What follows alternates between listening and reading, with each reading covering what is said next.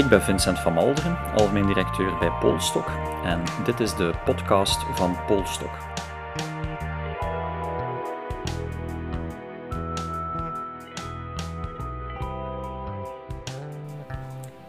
Dag Vincent. Hey, dag Cilia.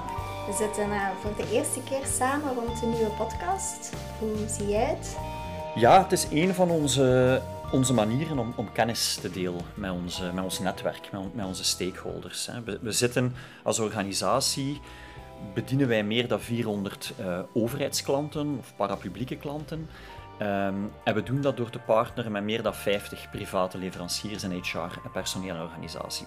En dat is natuurlijk een heel interessante rol waar dat je in zit. Een echte spil in het netwerk, waarop een berg van informatie zit. En het is ook altijd onze bedoeling geweest met de organisatie om in alle bescheidenheid onze HR-sector, personeel- en organisatiesector, om die wat sterker te maken, om kwalitatiever te maken. En we vinden, we hebben onze Polstok communities waar we veel kennis delen, maar we hebben ook nu onze eerste Polstok podcast, die we ook gaan gebruiken om inspirerende en interessante sprekers binnen ons domein aan het woord te laten, die kritisch te bevragen. En daarmee ook te zorgen dat hè, het evidence-based werken, wat een belangrijk principe is binnen uh, Polstok, om dat ook meer aan bod laten komen en zo onze luisteraars te inspireren. Deze podcast gaat over evidence-based selecteren.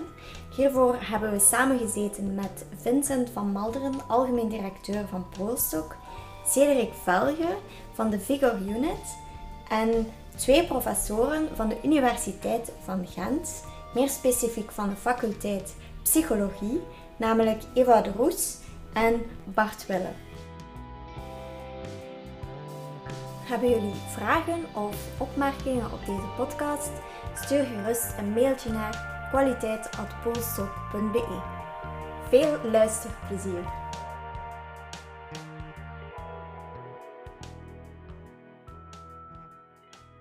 We gaan het vandaag hebben met een um, heel interessant panel uh, experts rond uh, evidence-based selecteren. En ik zou als eerste vraag aan onze panel willen stellen: wat is in essentie evidence-based selecteren? Over wat hebben we het? Oké, wel. Voor mij evidence-based, en ja, niet alleen voor mij, ook over de, de mensen, voor de mensen die het een stuk op gang hebben gebracht, gaat evidence-based over um, beslissingen nemen. En dus over de wijze waarop dat we beslissingen nemen. Nu, iedereen uh, gebruikt informatie wanneer dat ze een beslissing neemt. Wel, als je echt evidence-based wil zijn bij het nemen van een beslissing, gaat het erover dat je tracht de beste, de meest betrouwbare informatie te selecteren en ook heel kritisch na te denken over die informatie. Dus hoe relevant is die informatie voor je beslissing, uh, hoe betrouwbaar, hoe nuttig. Dus als het gaat over uh, selecteren, en we spreken over evidence-based selecteren, dan is voor mij evidence-based selecteren dan uh, heel kritisch nadenken over de informatie die je gebruikt om uh, de beste kandidaat te selecteren. En uh, dus eigenlijk heel kritisch te gaan kijken naar alle tests die we gebruiken, vragen die we stellen enzovoort. Of dat we daar kunnen op afgaan, of dat, dat relevant is en of dat, dat ons toelaat om inderdaad een voorspelling te maken over wie succesvol zal zijn in die job waarvoor een vacature is. Bart, heb je daar nog iets aan toe te voegen? Um, als ik nadenk over evidence-based, dan denk ik na over selecteren of, of practice die gebaseerd is op evidentie. Als je het puur letterlijk vertaalt, heb je het over evidentie. En dat illustreert denk ik meteen de complexiteit van het verhaal, want evidentie is op zich een heel rekbaar begrip. Mm De HR-manager kan zeggen, ik doe al twintig jaar selecties en op basis van mijn persoonlijke expertise en mijn ervaring weet ik dat dat een goede techniek is. Dus dat is een soort persoonlijke evidentie. Maar de vraag is, zijn we daarmee tevreden eh, als het gaat over echt evidence-based management of evidence-based selectie? Dus ik denk, uh, alles gaat over de, het construct evidence. Wat is evidentie en wanneer is evidentie accuraat genoeg of betrouwbaar genoeg om te gebruiken in een selectiecontext? Ja, ik sluit mij daarbij aan. Hè. Die evidentie die staat centraal. Nu hebben we wel binnen um, ja, de wetenschap, hè, de mensen die zich bezighouden met wetenschappelijk uh, werven en selecteren, hebben we een bepaald soort evidentie. Hè, um, academische evidentie gebaseerd op onderzoek. En dat is voor, voor mij is dat een hele belangrijke bron van evidence-based selecteren. We hebben, in, als we kijken naar het domein van HR, is het, domein van werven en selecteren een van de oudste disciplines of subdisciplines. We hebben eigenlijk al meer dan 100 jaar academische, wetenschappelijk onderbouwde evidentie om daar naar te kijken. En het, ehm, het interessante, uh, construct evidentie, uh, ook het interessante rond werving en selectie is dat um, aanvankelijk men heel evidence-based te werk ging. Hè, dat men vanuit een concrete bedrijfsnood ging naar de toenmalige uh, laboratoria en vroeg aan, dat waren toen zelfs nog experimenteel psychologen, van kunnen jullie ons helpen om hier, uh, ten tijde van Taylor, de beste kandidaat voor deze plek te selecteren. Dus de oorsprong van, hè, we doen we praten vandaag over wow, evidence-based selecteren, alsof het iets nieuw is. Voor mij is dat niet zo nieuw en is dat eigenlijk teruggaan naar onze roots en eens kijken van ja, wat deden we toen en kunnen we daar niet naar teruggaan. Terug naar meer die samenwerking tussen praktijk, concrete vragen en dat op een ja, wetenschappelijke manier een stukje benaderen, wel in overleg, rekening houdende met de context waarin dat je uh, die vraag wil uitwerken. Maar we zijn dus ondertussen een stuk kwijtgeraakt. Dat hoor ik ook in jouw verhaal. Ja. Hoe, hoe komt dat? Hoe komt dat? Oei, dat is een uh, zeer belangrijke, maar ook moeilijk te beantwoorden vraag. Nee. Um, we zijn dat een stukje kwijtgeraakt onderweg. En um, ja, we stellen dat vast dat we dat zijn kwijtgeraakt. Laat me daar uh, ook mee beginnen. Um, ik denk dat je dat niet zomaar mag veronderstellen dat we het zijn kwijtgeraakt, maar we hebben wel, we, zijn, we doen onderzoek naar wat, wat uh, hanteren mensen in de praktijk, welke ideeën hebben ze over selecteren, wat doen ze. En dan zien we dat er toch de laatste jaren of decennia, dat er praktijken ontstaan zijn waar wij, nieuwe praktijken, waar wij nog niet voldoende wetenschappelijke evidentie voor hebben. Dat we ergens uh, zien dat, dat die beide, uh, ja, dat praktijk en misschien ja, de wetenschap, niet altijd meer zo hand in hand gaan als vroeger. Mm -hmm. dat, hoe dat komt, ja, dat is een heel... Uh, is wel een moeilijke vraag om te beantwoorden, maar we zien, ik stel het gewoon vast dat we niet altijd op dezelfde uh, lijn zitten. Mm -hmm. kan, kan het te maken hebben met um, het feit dat mensen in de praktijk het een complex verhaal vinden en dat er misschien makkelijker, makkelijker verkoopbare oplossingen zijn die niet altijd werken?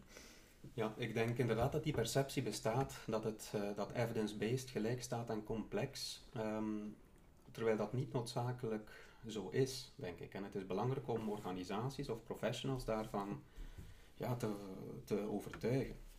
Nu, um, anderzijds denk ik ook dat we misschien dat evidence-based karakter niet noodzakelijk verloren zijn, maar dat we wel de lat steeds hoger leggen. En ik denk dat is terecht dat we die lat hoog leggen en dat is mede onder invloed van bijvoorbeeld een polstok die in tenders dat criterium daar ook uh, gaat aanhaken. Dus ja, er is een soort groeiend bewustzijn, denk ik, en, en een kritische massa, ook in de markt, die, die bewust wordt van het belang van evidence-based en die op die manier ook met heel veel vragen naar ons en naar andere experten uh, komt. Dus, dus de lat komt steeds hoger te liggen. En misschien um, ja, worden we gewoon ook heel erg kritisch ten opzichte van ons eigen domein. En ik denk dat dat eigenlijk een hele goede evolutie is. Mm -hmm. Zelf denk ik, als het gaat over ja, hoe zijn we eigenlijk op het verkeerde pad beland bij Ik ben, uh, ja, als ik terugkijk naar wat, wat Eva vertelt, inderdaad, over uh, ja, waar er ons vak ontstaan is. Uh, ja, we linken het aan het Taylorisme en ik denk, ja, op een gegeven moment heeft dat woord ook een vies kantje gekregen, als dat het, uh, ja, alsof dat de mens uh, altijd zeer meetbaar zou zijn en perfect voorspelbaar en controleerbaar. Op een gegeven moment hebben we een evolutie gehad in een organisatie waar dat men uh, wilde dat management of HR meer mensgericht werd. Maar misschien is dat een beetje de verkeerde kant doorgeslaan en ja, zitten we nu met een discours van elke persoon is uniek en we moeten rekening houden met unieke talenten, sterktes, uh, behoeften enzovoort.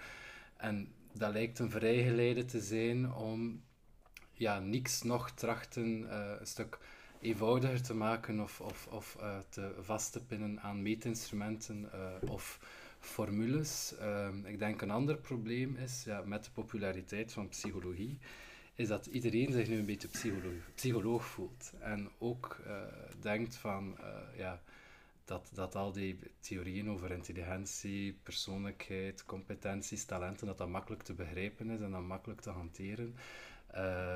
maar dat ook ja, dat, dat er daarin ook het gevaar sluit dat, dat die, sluipt dat die zaken ook uiteindelijk verkeerd worden toegepast. En ook dat men niet stilstaat bij het feit dat, uh, ja, dat ons domein nog een jonge wetenschap is en dat die kennis ook voortdurend evolueert. Mhm. Wat dat we 20 jaar of 30 jaar geleden zagen in de handboeken uh, eh, HR, psychologie. Veel van die zaken zijn nu achterhaald, maar men is daar zich niet altijd van bewust. Als ik daar even mag op inpikken, Cedric. Ja.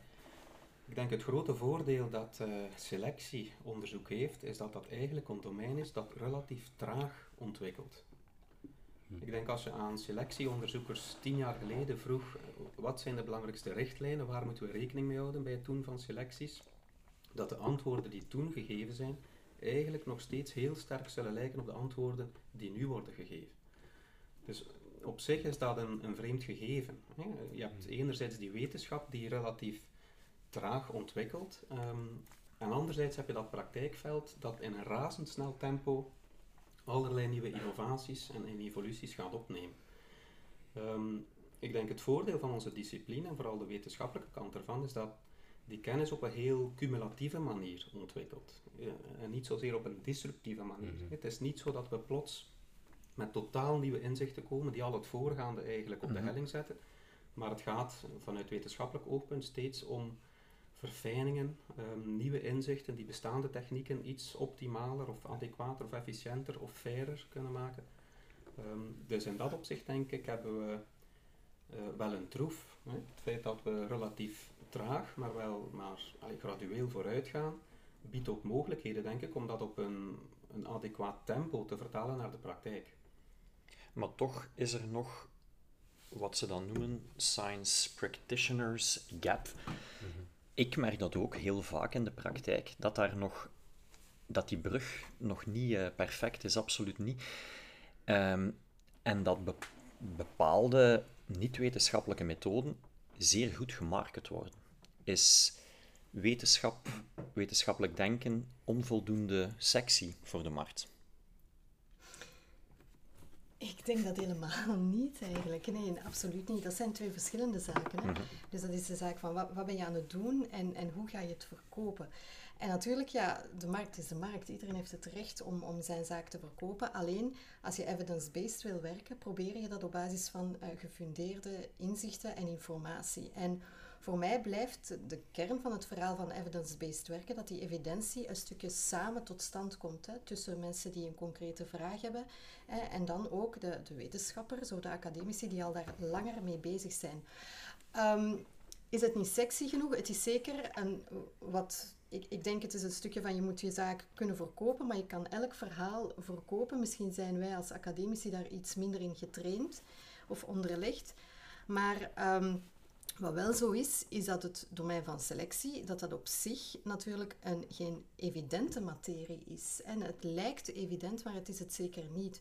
Dus in dat opzicht, um, het is een, een wetenschappelijke discipline met een eigen jargon, met eigen testen, waar specifieke inzichten voor nodig zijn, kan ik mij inbeelden dat dat niet zo gemakkelijk is om uh, te verkopen al. Um, maar anderzijds, uh, dat is de uitdaging om dat juist uh, wel te proberen en samen uh, te doen. Mm Dus ehm, de gap is er inderdaad wel. En de vraag is van ja, hoe komt het? En hoe kunnen we daar samen eigenlijk iets aan doen? Mm -hmm. um, als we even concreter gaan, dat is al een paar keer vermeld geweest. Het is een discipline met een rijke historiek, cumulatieve kennis verzameld.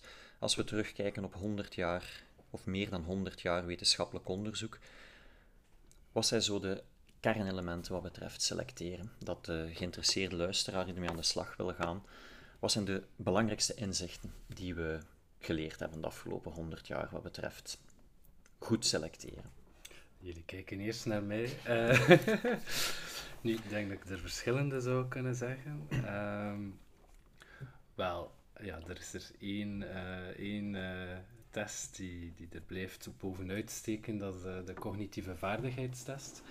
Ehm, dus dat, ja, we blijven altijd zeggen dat is een van de beste voorspellers. Nu, er zijn andere instrumenten die ik denk uh, in de buurt komen, maar dus die blijft een belangrijke rol spelen. Um, het interview heeft ook zijn diensten bewezen natuurlijk. We zijn al zover, uh, ook in de praktijk, dat is het goede nieuws, dat die interviews best gestructureerd uh, verlopen. En dat is niet enkel uh, belangrijk, denk ik, om de ja, juiste kandidaat te kiezen, ook omdat we gezien hebben dat kandidaten zelf het heel belangrijk vinden om een gesprek te hebben met de toekomstige werkgever. Um, ik denk, ja, een belangrijk inzicht, maar het is misschien net iets wat ik soms merk in de praktijk, wat verloren gaat. Ik denk altijd aan, uh, aan de wijze woorden van onze collega. Um, Philip Lievens, die iets zei in de trant van een timmerman, die werf je ook al aan op basis van zijn timmerwerk. En ik heb soms het gevoel dat we in de praktijk uh, dat wat vergeten zijn. Dat uiteindelijk, als je wil voorspellen of dat iemand een bepaalde taak of job goed zal doen, dat je eigenlijk ja, hen moet in een omgeving brengen waar dat ze dat werk moeten gaan uitvoeren. Er een testomgeving die dat werk nabootst. En op basis daarvan kan zien of dat iemand uh, in, de, in de wieg gelegd is om dat soort taken uit te voeren. Nu, uh, met de populariteit van uh, persoonlijkheidstest, cognitieve vaardigheidstest en andere instrumenten, vergeten we soms van nog eigenlijk die work sample benadering. Dus eigenlijk mensen gewoon een bepaalde taak geven om, om eigenlijk dat voor te leggen. Dat heeft natuurlijk te maken met dat online test, dat is gemakkelijk, dat kun je snel afnemen en dan krijg je direct een resultaat. Uh, een oefening voorleggen, dat vraagt meer tijd. Zeker als je veel kandidaten hebt, is dat weinig haalbaar. Maar ik moedig graag bedrijven aan om ook weer, waar het haalbaar is, om mensen ook weer ja, een soort van praktijktest uh, te laten ondergaan, eerder dan eigenlijk ja, generieke tests uh, te gaan toepassen. Maar ik weet niet of de, mijn collega's daarmee akkoord zijn. Maar ik sluit me aan bij veel uh, van de dingen die je zegt. Ik, ik, heb niet de bedoeling om in te gaan op individuele instrumenten of constructen, maar ik uh, zou op twee principes durven komen die voor mij erg belangrijk zijn in het evalueren van selectieprocedures. Um, en dat is een eerste principe standaardisatie. Als je een groep mensen of kandidaten screent of selecteert, um, zorg ervoor dat je procedure gestandaardiseerd is, zodanig dat je een aantal eigenschappen hebt of criteria hebt of kenmerken hebt die je kan vergelijken over kandidaten heen. Ik denk dat dat echt cruciaal is en soms vergeten we dat ook wat. We hoeven daarom niet uh, een draaiboek uit te werken dat van A tot Z vast ligt of een interview uit te werken dat van A tot Z vast ligt. Ik denk daar is ruimte voor uh, spontaneïteit en, en uh, een stukje aanpassingsvermogen ook, maar die standaardisatie denk ik is wel cruciaal. Een tweede principe um, dat voor mij heel belangrijk is, is um, denk aan het criterium. Uiteindelijk hebben we steeds de bedoeling om iemand te selecteren voor een bepaald einddoel. Meestal is dat een, een job of een functie of een rol in een organisatie. En dat vraagt dat we die, dat criterium, dat einddoel ook goed begrijpen. Wat moet die persoon doen? Um, en op basis van die beschrijving, van die rol of van die functie, moeten we op zoek gaan naar wat zijn nu de predictoren, de voorspellers. Zijn dat persoonlijkheidseigenschappen of is dat cognitieve vaardigheid? Ik denk dat cognitieve vaardigheid bijvoorbeeld voor heel veel functies ook overschat wordt. Uh, terwijl het voor heel veel functies ook een belangrijke voorspeller is. Maar dat illustreert dat we eigenlijk ook een stukje maatwerk moeten leveren. En altijd moeten proberen om een procedure op te zetten in functie van een heel specifiek criterium of een specifiek doel. Um, dus die twee zaken, standaardisatie en um, uh, maatwerk voor een stukje, denk ik, zijn, zijn echt cruciaal voor selectieprocedures. -hmm. Ik wil daar nog, uh, ik sluit mij daarbij aan, daar toch uh, nog iets bij op aanvullen. Dat is dat, um, ik verwijs eigenlijk naar een filosoof nu, Immanuel Kant, die zei eigenlijk ooit, theorie zonder data, dat is waardeloos. Maar data zonder een theoretisch kader, ja, die zijn gewoon oninterpreteerbaar. En alles is ook een stukje in de psychologie gestart met uh, een gedragsmodel. Van wat is nu menselijk gedrag en hoe, gaat dat, hè, hoe kunnen we mensen helpen om ja, zo goed mogelijk aan de slag te gaan in een werkcontext?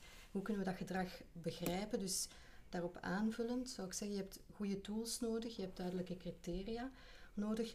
Maar eh, voor mij moet dat ingebed zijn in een duidelijk gedragsmodel of een theorie over menselijk functioneren. En dan, in de context van selectie, uiteraard, met betrekking tot het toekomstige functioneren op de werkplek. Ehm, daar zie je dat, dat ehm, wij, denk ik, als wetenschappers toch ook een heel belangrijke uh, taak hebben om dat ook goed te blijven bewaken. Zeker gegeven allerlei nieuwe tendensen, evoluties rond digitalisering en manieren om eigenlijk uh, meer dynamische uh, signalen van talent op te pikken via big data. denk ik dat ook een heel belangrijke taak is. En wat ook 100 jaar geleden eigenlijk voorop stond, het gedragsmodel, om van daaruit te vertrekken. Iets wat ook trouwens dynamisch is op zich natuurlijk. Als we kijken naar hoe dat persoonlijkheid, hè, van intelligentie weten we dat al vrij lang ongeveer, hoe dat, dat in elkaar zit. Hoe dat ook eh, gerelateerd is aan gedrag. En er zijn nog altijd nieuwe constructen die, of andere constructen die, die, uh, die we aan het onderzoeken zijn om dat verder eigenlijk goed te kunnen begrijpen. En dat is voor mij ook een heel belangrijke taak die weggelegd is aan selectiepsychologie. Misschien daarover nog even uh, in te pikken is, uh, ik denk, als we kijken naar de twee principes die, die Bart voorstelde, is denk ik dat we in de praktijk dat men qua standaardisatie het relatief goed doet. Maar als het gaat over wat wil je voorspellen, dat men daar in de praktijk niet vaak meer bij stilstaat. Dat je ziet dat uh, men vaak dezelfde tests gebruikt uh, of de, hetzelfde type assessment centers, maar dat ook leveranciers uh, eigenlijk heel weinig tijd besteden met hun klant aan in kaart brengen. Ja, wat moet die persoon nu precies kunnen en wat zijn dan de beste. Wat is dan eigenlijk het gedragsmodel dat we willen toetsen? En, voor dat gedragsmodel, om daar de verschillende onderdelen van te gaan meten, wat zijn dan de beste oefeningen? Eh, en, en dat is toch iets wat ik denk dat, ja, waarschijnlijk is dat om economische redenen voor de goedkoop, dat men daar minder tijd aan besteedt. Maar ik denk, ja, naarmate, met de, voor de uitdaging die bedrijven nu staan, is dat het wel nog extra belangrijk is om zeker te zijn dat ze de juiste persoon uh, gaan selecteren voor die jobs. En dat het net daar is waar ze ook een verschil kunnen maken.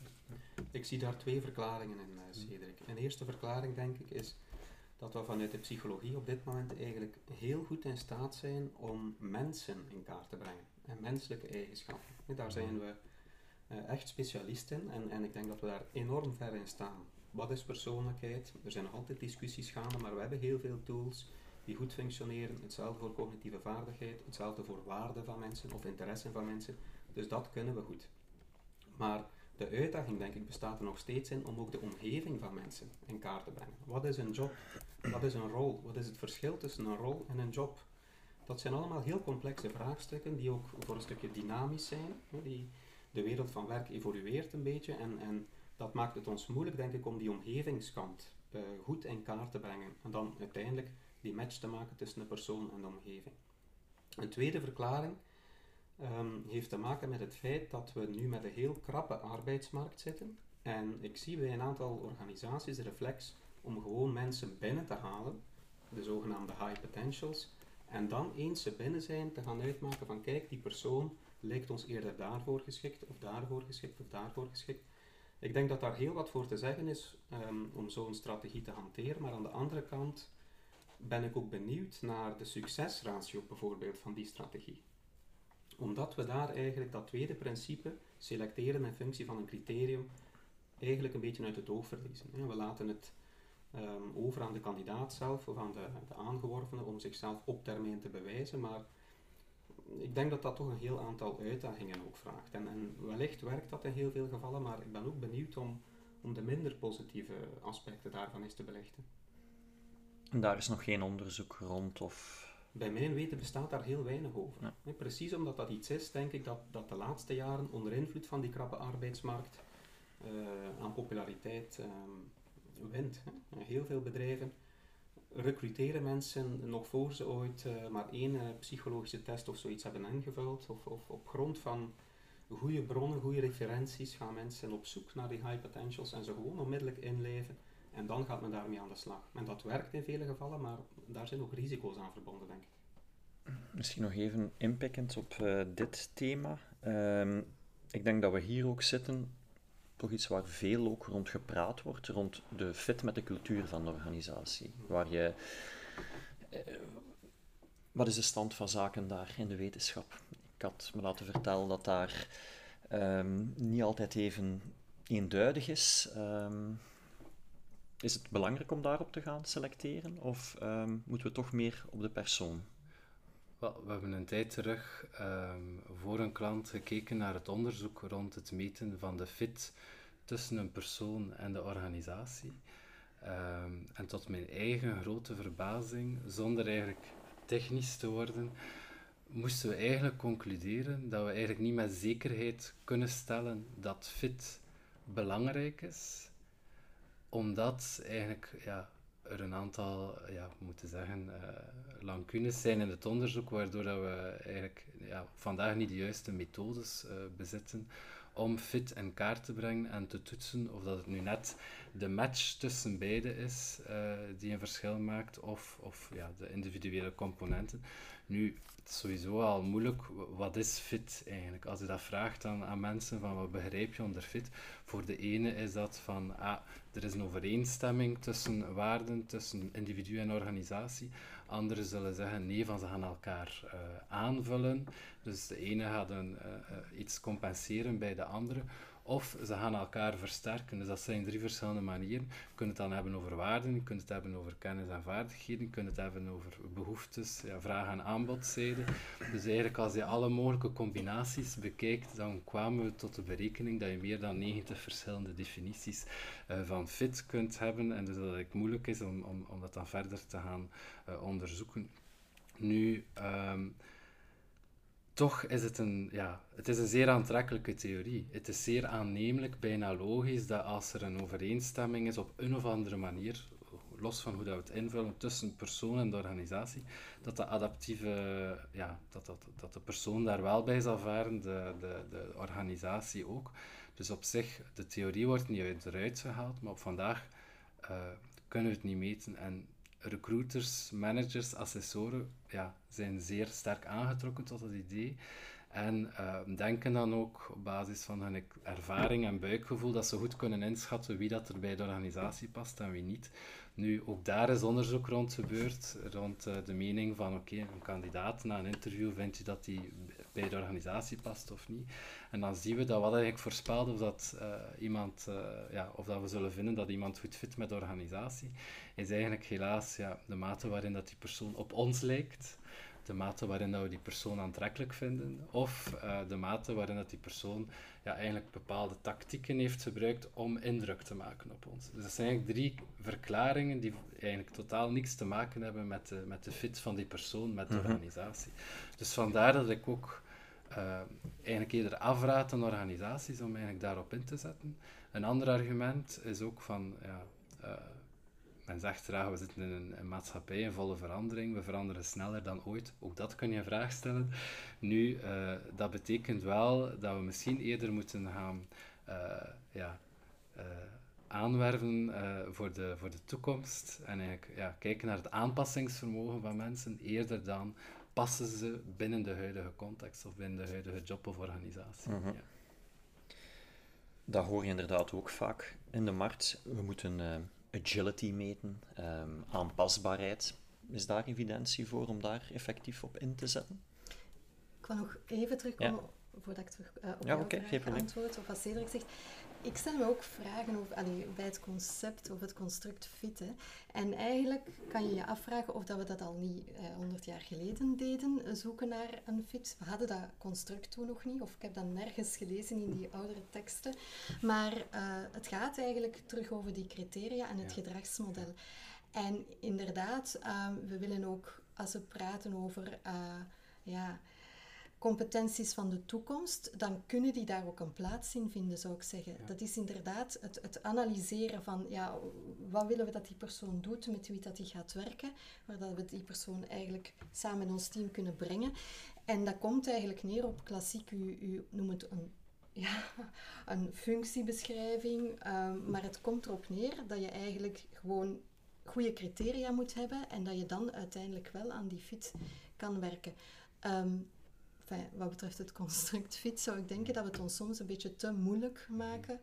Ehm, en inderdaad, het, ligt natuurlijk, het bekt goed. Uh, iedereen begrijpt het ongeveer, maar niet precies. Ik zou ervoor pleiten om terug naar de basics te gaan en stel mij de vraag of we dat niet al de hele tijd proberen te meten.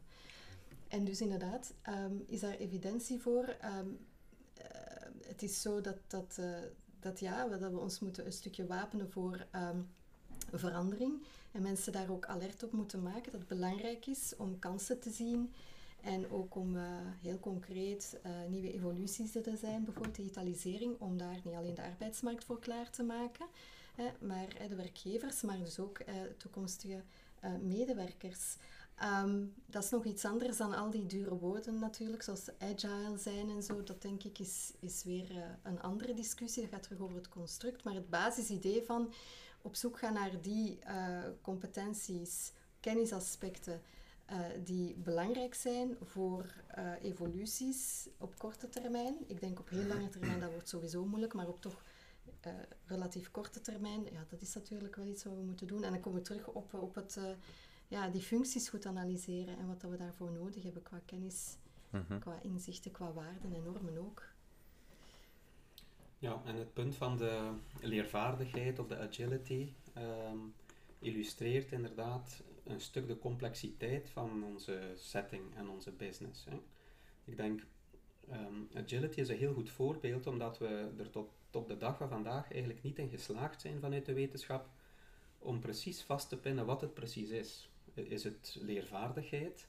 Is het aanpassingsvermogen? Gaat het over een attitude ten opzichte van leren? Is het eerder een aspect van de persoonlijkheid, openstaan voor nieuwe dingen? Ik denk dat het een combinatie is van alles. Um, en dat illustreert de moeilijkheid en de complexiteit. Er is niet zoiets als de Learning Agility Test of het Agility Assessment Center. Ik denk de consultant die dat uitvindt, die heeft uh, goud in handen, maar ik ben eerder uh, pessimistisch over de slaagkansen daarvan. Neemt niet weg dat, dat de bouwstenen van dat construct um, bouwstenen zijn die we wellicht al langer kennen in de psychologie en die we wellicht ook kunnen meten, ook in een high-stakes context. Maar we zijn daar nog niet. Hè? Om, om van die bouwstenen naar het agility-construct te gaan en daar gefundeerde uitspraken over te doen. Op, op, ik ben op dit moment nog niet overtuigd. Hè. Als ik kijk naar de verschillende instrumenten en aanpakken die bestaan, dan ben ik nog niet overtuigd dat we daar al zijn. Maar ik zie wel het belang van die competentie of dat construct of die compound. Ik noem het altijd een compound construct. Het is eigenlijk een container die bestaat uit een aantal cruciale bouwstenen die je kan combineren op een of andere manier. Mag ik daar nog eens op ingaan, Bert? Ja, ik sluit me daarbij aan, maar ik stel me altijd de vraag, of het nu gaat over fit of het gaat over agility, hebben we die dure constructen of uh, termen nodig? En kunnen we niet terug back to the basics gaan? We weten al heel veel over bijvoorbeeld cognitieve vaardigheden. Um, en en uh, ja, leersnelheid, wat uiteindelijk, als ja. we kijken naar bijvoorbeeld een, een, ja, een moeilijk woord misschien, maar maar een algemene intelligentie, laten we het zo noemen, de G-factor, dan weten we dat dat ook gerelateerd is, door een stukje ingevuld wordt door de snelheid waarmee mensen nieuwe informatie verwerven en verwerken. Natuurlijk, dat is één aspect inderdaad van die agility. Um, en nogmaals, ik, ik, snap wel waarom dat die concepten dat we die gebruiken, maar ik vind dat we daar altijd heel kritisch tegenover moeten staan en ook alles wat we al weten, hè, dat we dat niet overboord moeten gooien en terug back to the basics, hè, mm. naar de basics gaan. Ja. Ja. Maar, maar, ik ben als wetenschapper best bereid om een duur woord als agility in de mond te nemen, op voorwaarde dat ik ook de ruimte krijg om het uit te leggen. En dan, dan verwijs je automatisch mm. naar die bouwstenen die ja. we hebben. En ik denk als dat uh, de prijs is die we moeten betalen als wetenschapper, dat we soms eens een duur woord of een chique term moeten gebruiken, maar als we op die manier uh, de praktijk mee -hmm. kunnen nemen in ons denken, dan denk ik, uh, ik ben bereid om dat te doen. Op voorwaarde dat je wel vanuit de wetenschap de nuances voldoende in ja. de verf kan zetten, dat je daar de ruimte voor neemt. Ja. En daar is het natuurlijk, als we het dan hebben van hoe komt het dan, hè, dat die eh, teruggaande naar die, eerste vraag, dat, dat we zo'n beetje uit elkaar eh, weggedrift zijn mm -hmm. met elkaar. Ja, het ligt niet alleen aan de wetenschappers natuurlijk, het is uh, complexe materie, maar dan vind ik dat het niet alleen onze taak is, maar ook een beetje de opdracht van de mensen in de praktijk om daar genuanceerd over na te denken.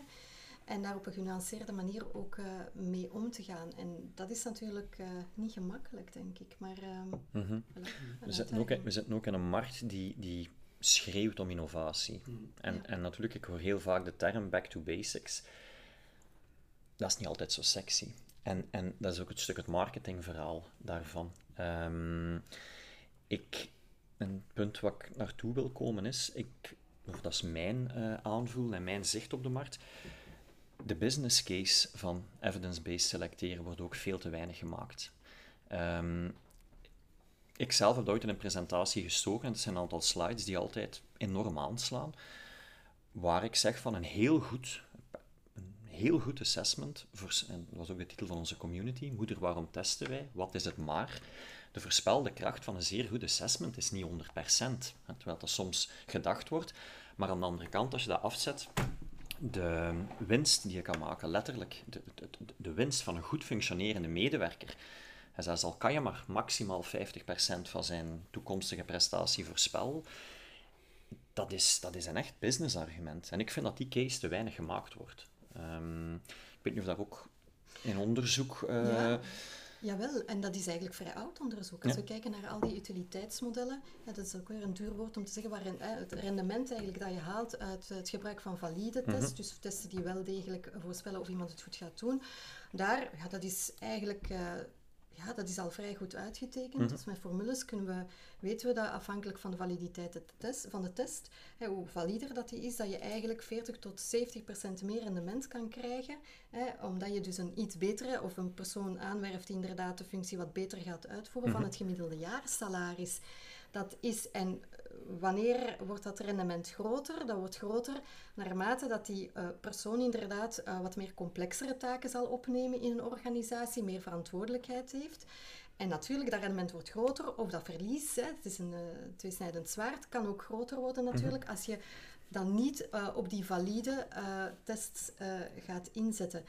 En dit is eigenlijk een verhaal dat teruggaat tot uh, Frederik Taylor. Hè. Dat is uh, inderdaad, ik sluit me daarbij aan, Cedric, dat men dat een beetje, uh, misschien een wat back to basics, misschien niet sexy genoeg vindt. En natuurlijk, er, er zijn ook een aantal nadelen aan die benadering verbonden. Maar dat is duidelijk een, een, een krachtig argument om een business case op te zetten. Hè. Het, kleine nuance dat ik daarbij wil aanbrengen is dat het natuurlijk um, mensen veranderen ook en omgevingen veranderen ook. Dus als we kijken naar die utiliteitsmodellen, dan zien we dat die heel erg uitgaan van een statisch mens in een statisch omgeving mhm. beeld. En um, je moet je ook, je, dat, is, dat is een gegeven, we kunnen niet op hele lange termijn gaan voorspellen, maar dat denk ik moet je ook duidelijk maken, precies. En je, meestal heb je als werkgever of als een team heb je iemand nodig om nu concrete noden ook in te vullen.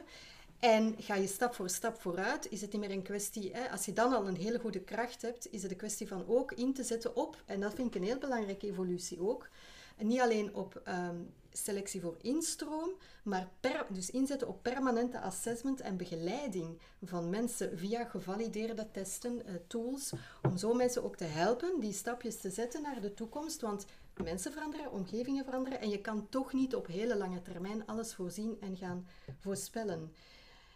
Men denkt dat dat dan typisch is voor de menswetenschappen, maar als je echt eh, over de exacte wetenschap begint te lezen, dan merk je ook dat het daar best ook wat meer chaos is en onzekerheden en dat men daar ook uh, uh, werkt met predictieve modellen die zeker niet een 100% mhm. fit of match mhm. kunnen garanderen zoals wij dat soms vanuit de praktijk verwachten. Ja ik stel mij ook wel de vraag of dat het nu net gegevens zijn rond return on investment die het verschil zullen maken voor evidence-based management. Mhm. Omdat als ik kijk naar hoe vaak uh, ja, binnen HR beslissingen wordt gemaakt op basis van return on investment, dan valt dat best wel tegen. Dat is ook een van de kritieken die HR best uh, vaak krijgt.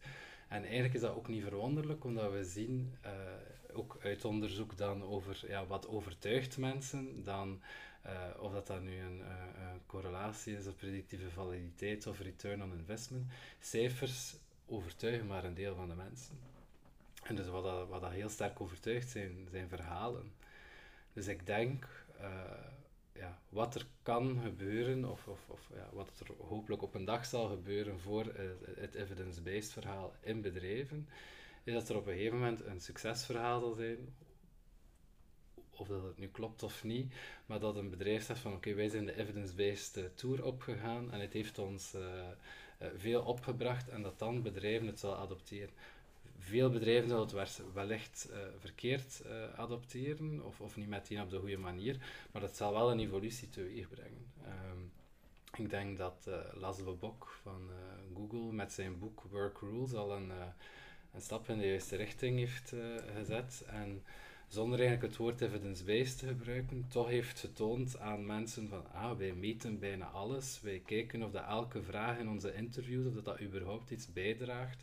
Uh, uh, aan het selectieproces om dan eigenlijk vast te stellen dat de raadsels die ze voorlegden, als hoeveel knikkers passen in een vliegtuig of zoiets, in een Airbus, dat dat uiteindelijk niets toevoegde aan het proces. Dat ze ook hebben ingezien dat uh, als ze de directe leidinggevende laten beslissen, dat daar vertekening op zit. Dus ze hebben besloten dat een andere, een onafhankelijke partij eigenlijk zal beslissen welke kandidaat komt er uiteindelijk binnen. Dus voor mij zijn dat illustraties die helaas misschien mensen net meer gaan overtuigen dan het wetenschappelijk onderzoek mm rond. Maar ik denk dat we ook, uh, ja, helaas of niet helaas, maar ik denk dat we moeten uh, eigenlijk ook evidence-based als, als, als wapen gebruiken bijna, om ook onze case te maken. En eigenlijk na te denken eerder van, gaat het nu over return on investment, eerder nadenken van wat is nu de beste manier om het te verpakken, om ja, uiteindelijk ja, binnen te lepelen, pejoratief gezegd, bij mensen en eigenlijk ervoor te zorgen dat ze het adopteren. En ik denk dat daar wel een oplossing zit. Ja. Ik denk, Cedric, um, we hebben het gehad over het maken van een stevige business case en dat is ongetwijfeld heel belangrijk, maar er zijn nog andere argumenten, denk ik, um, om mensen mee op de kaart te brengen van evidence-based denken. Um, een business case vertrekt vanuit het perspectief van de organisatie. Door evidence-based te werken kan je de profit verhogen of, of wat dan ook. Maar je kan ook nadenken over het perspectief van degene die getest wordt, de sollicitant. Ik denk we moeten ons realiseren dat voor die persoon is die selectiebeslissing en die assessment die daaraan gekoppeld is, een uitermate belangrijke beslissing, die echt een invloed kan hebben op de rest van zijn of haar leven. Dus dat is denk ik ook een argument, ehm, of een ander perspectief om naar het belang van evidence-based practice en selectie te kijken. Wat doen we met de mensen die getest worden? Hoe ervaren zij dat? En welke impact heeft die beslissing op het leven van een, een sollicitant of iemand die, al dan niet aangeworven wordt? Dus we hebben daar denk ik een verantwoordelijkheid en we hebben ook een, een maatschappelijke verantwoordelijkheid. Amazon bijvoorbeeld heeft recent een algoritme ingevoerd ehm, dat ondersteunt bij het recruteren en selecteren van mensen. En dat bleek dan heel sterk te discrimineren ten opzichte van vrouwen. Dus dat soort praktijken kan maatschappelijk ook enorme ehm, belangstelling opwekken en heeft een hele grote um, appeal, denk ik. En kan ervoor zorgen dat evidence-based practice op die manier ook uh, zijn ingang vindt en, en er een bewustzijn ontstaat dus naast de business case voor organisaties hebben we ook, denk ik, argumenten langs de kant van de sollicitant en ook op maatschappelijk niveau om daar eigenlijk extra fus, om nog maar eens een duur woord te gaan gebruiken, uh, te genereren en belangstelling op te wekken. Oké. Okay. Um, was een interessante babbel. Um, onze tijd is jammer genoeg uh, loopt ten einde. Dus ik zou iedereen nogmaals van harte willen bedanken voor jullie bijdrage. En um, Binnenkort organiseren we trouwens een nieuwe community rond evidence-based selecteren, waar we concrete informatie later van zullen uh, publiceren. Bedankt allemaal.